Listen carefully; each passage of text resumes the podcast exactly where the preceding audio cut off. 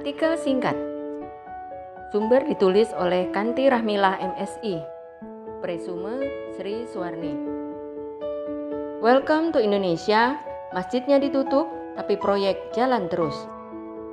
Silang sengkarut kebijakan penyelesaian pandemi sering menimbulkan gejolak di berbagai lapisan masyarakat.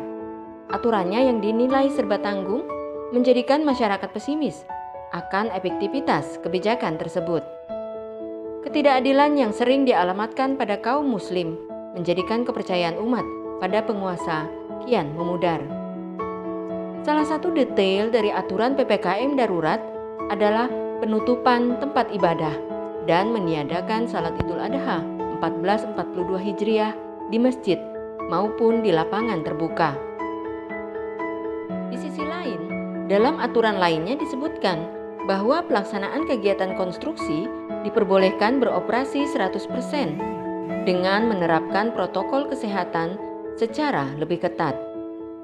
Jika memang pekerja konstruksi diperbolehkan bekerja dengan prokes yang ketat, seharusnya logika yang sama bisa diberuntukkan bagi kegiatan ibadah, asalkan taat prokes. Wajar, akhirnya umat makin bertanya-tanya, dan akhirnya memantik kemarahan. Sebenarnya yang dipermasalahkan bukan semata kebijakan ditutupnya masjid atau ditiadakannya salat idul adha. Sebab syariat pun memang membolehkan untuk sholat fardu di rumah, terlebih ketika pandemi. Melainkan kebijakan dalam penanggulangan pandemi dinilai tidak konsisten dan tidak memihak rakyat. Umat merasakan ketidakadilan dalam kebijakan yang dibuat. Umat melihat bagaimana puluhan TKA asal Cina masuk saat PPKM darurat. Pada waktu yang sama, penjual bubur di kota Tasikmalaya didenda 5 juta rupiah hanya karena ada pelanggannya yang makan di tempat.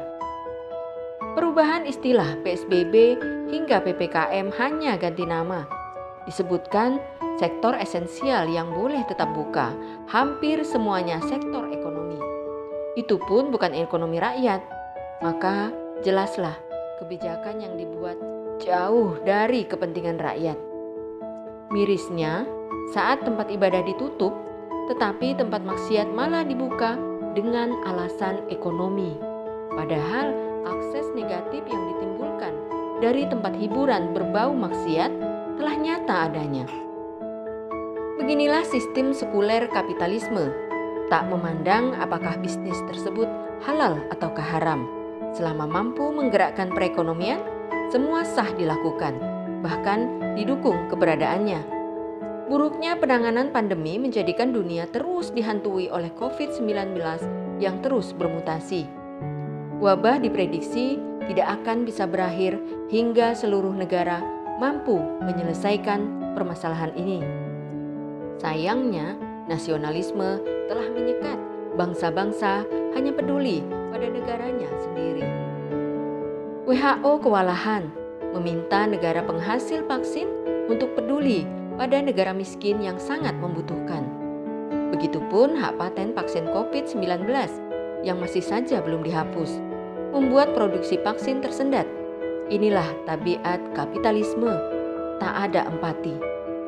Negara seharusnya menjadi pilar terdepan dalam melindungi nyawa warganya dan melindungi syariat agar sempurna penerapannya. Maka, dengan begitu, iman umat akan senantiasa dibangun dan dijaga keistiqomahannya. Umat akan digiring untuk terus berdoa kepada Allah Subhanahu wa taala dan berikhtiar agar pandemi ini cepat berakhir, bukan malah menjauhkan syariat dari umat.